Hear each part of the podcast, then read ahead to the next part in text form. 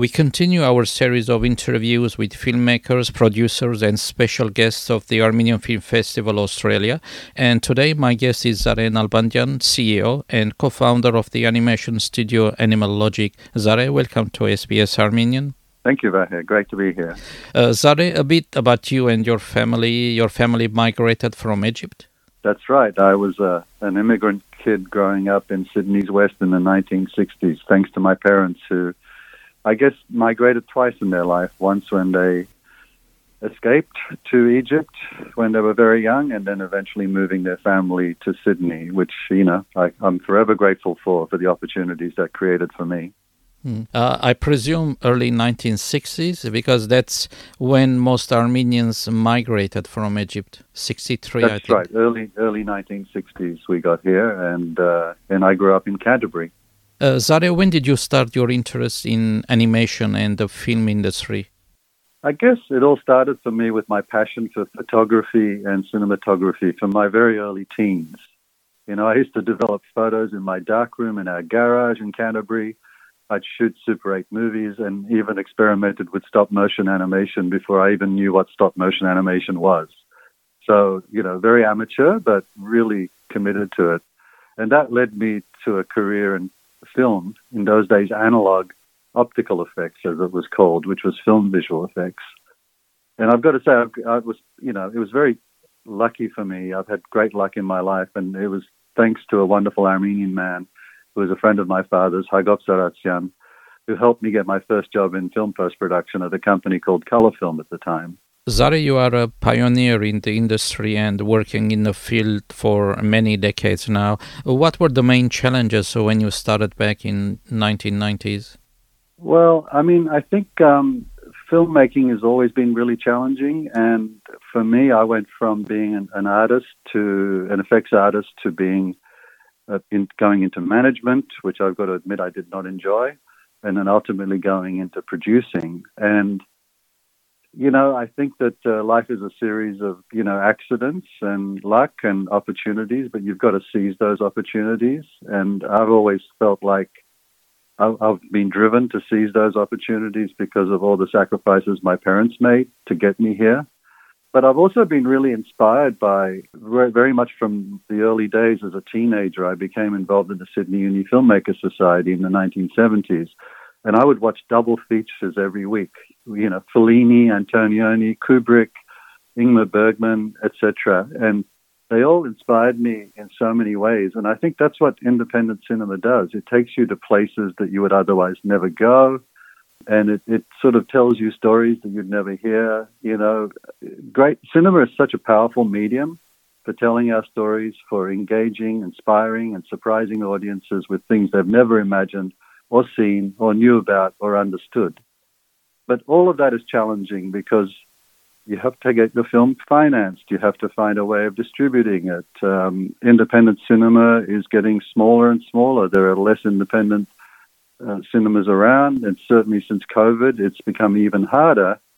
That's why film festivals are so important, you know, and they allow audiences to get into a universal shared experience, you know, and film festivals bring you boundless stories that, and you can reach all sorts of audiences that you would otherwise never reach. And I'm really proud to be a patron of the Armenian Film Festival and to support independent cinema.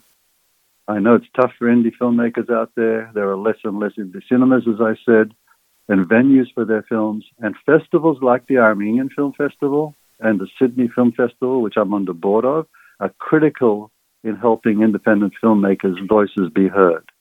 Uh, Zareh, with the advancement of technology and artificial intelligence, is it easier now to produce independent animated movies, or you know, as you mentioned, challenges still remain? I think definitely technology is being democratized. If you look at when my then business partner Chris Godfrey and I started Animal Logic in 1991, we started when there was no internet. The most sophisticated form of you know communication internationally was a fax machine, which kids don't even know exists these days. So I've seen a revolution of technology over my career. Um, you know, we would buy a million dollar computer, which was the size of a large fridge, which is less powerful than the phone I'm speaking to you on. So you know, I know AI is a big revolutionary thing that's happening, and it is going to completely revolutionize the way industries work, not just the screen industry. But there's been a revolution going on for 30, 40 years now, and it'll just continue. It does mean that that technology is more accessible to kids. You know, as a teenager in your bedroom, you could create a very sophisticated piece of animation or visual effects right now. You could make a movie off your iPhone. That does democratize the ability to people to tell their stories. And there are more and more platforms in which to release your stories because you can release them on YouTube, you can do it virally on the internet. Um, but I still believe that film festivals are critical because they bring audiences together for a shared experience. And in that room for 90 minutes with the lights off, you're, you know, you're drawn into a world that you otherwise wouldn't be drawn into. Um, and I think it's great for, you know, young audiences to attend film festivals. I think it would inspire them to get involved in telling their own stories. And um, that's why I'm so excited about this year's Armenian Film Festival. In relation to artificial intelligence, I think there is a revolution that's going to occur in terms of how people work in all sorts of industries. But I still think at the end of the day, the human creativity that's required to produce something that's unique and compelling and surprising will never go away. Um, so I think it's just another step in the way technology has empowered us to tell all sorts of stories that we could never tell before. Zareh, how Australia stands in the world in the in the digital animation field? Uh, do we excel? I mean, your successes are an indication that the sector is in good shape and there is uh, great potential in the industry. I think um, Australians don't realize how high our standing is internationally in the area of filmmaking and, and visual effects and animation. And obviously, behind the camera with cinematography and editing, but in front of the camera with great actors and obviously great directors. If you look at Animal Logic's history, we started as a small but high end digital design and visual effects and animation company. It wasn't just animation. We were working on big Australian and international ads in the 90s when TV was still a big thing and TV ads had bigger budgets than independent films do these days. It was an amazing time. And as the technology became more and more powerful, we grew into creating visual effects for films like The Wachowskis, The Matrix, on the map with the Oscar for Best Visual Effects, George Miller's Babe movies, Luhrmann's Moulin Rouge. And eventually we set up our animation studio for George Miller's Happy Feet, the first full CG animated movie produced in Australia. And it won the Oscar for Best Animated Feature. I don't know if Australian audiences realize that all of that happened out of companies and out of talent that exists in Australia. And even if you watch, you know, we worked with Baz Luhrmann on three films, including The Great Gatsby. And if you watch a movie like The Great Gatsby, which is set in New York in the 20s, you would not believe that that was made in uh, Moore Park at Sydney's Fox Studios and other locations around Sydney. And all of those digital imagery of New York were created by companies like Animal Logic. So I think Australians don't realize how high, how much we punch above our weight, um, and how much of the amazing Hollywood movies that they see are actually created out of our backyard. Zareh, what are the skills uh, required for someone to enter the industry, and are there enough opportunities? Uh, say, if a young person is interested, what are the necessary steps to take? I think there are so many great opportunities in the screen industries for young people. Uh, there are so many avenues to get into the industry.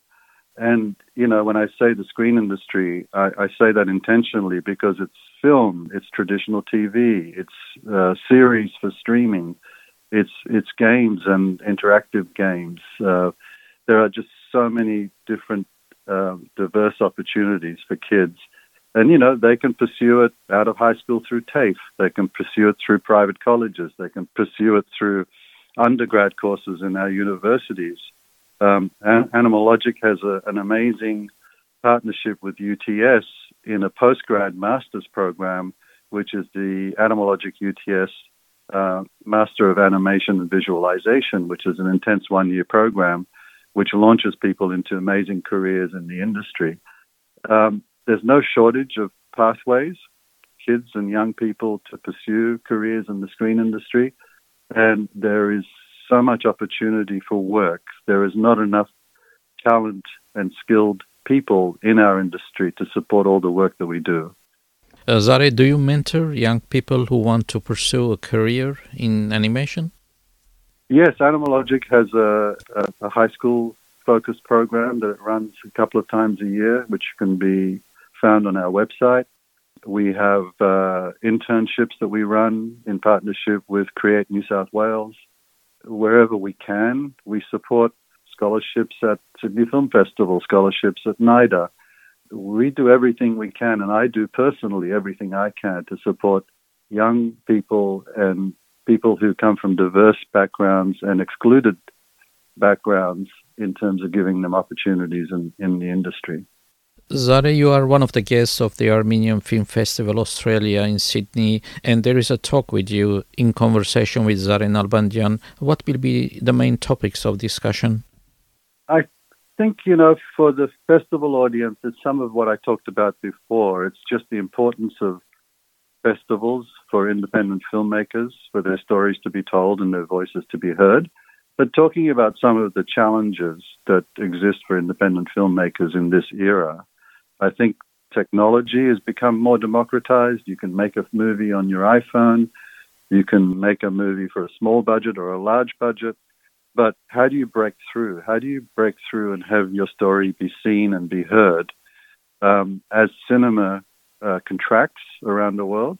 But at the same time, new opportunities open up in terms of multiple streaming platforms, you know, viral platforms, social media platforms, platforms like YouTube.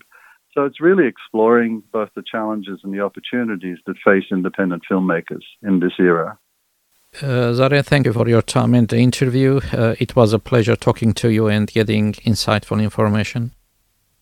Thanks, Vahe. Can I just say it's exciting that the seventh edition of the Armenian Film Festival is coming to Sydney this year. We're celebrating 100 years of Armenian cinema with a diverse selection of nine impressive feature films and six short films spanning multiple genres, and including the highly awarded opening night film Amerikatsi and a unique documentary Aurora's Sunrise. It's on from the 8th to the 17th of September at the Event Cinemas in Ryde. I can't help but plug it because I'm really passionate about it. And uh, you'll feature Event Cinemas Top Ryde on Sunday, 10th of September, half past three. That's right. Thanks, Vahe. Thank you.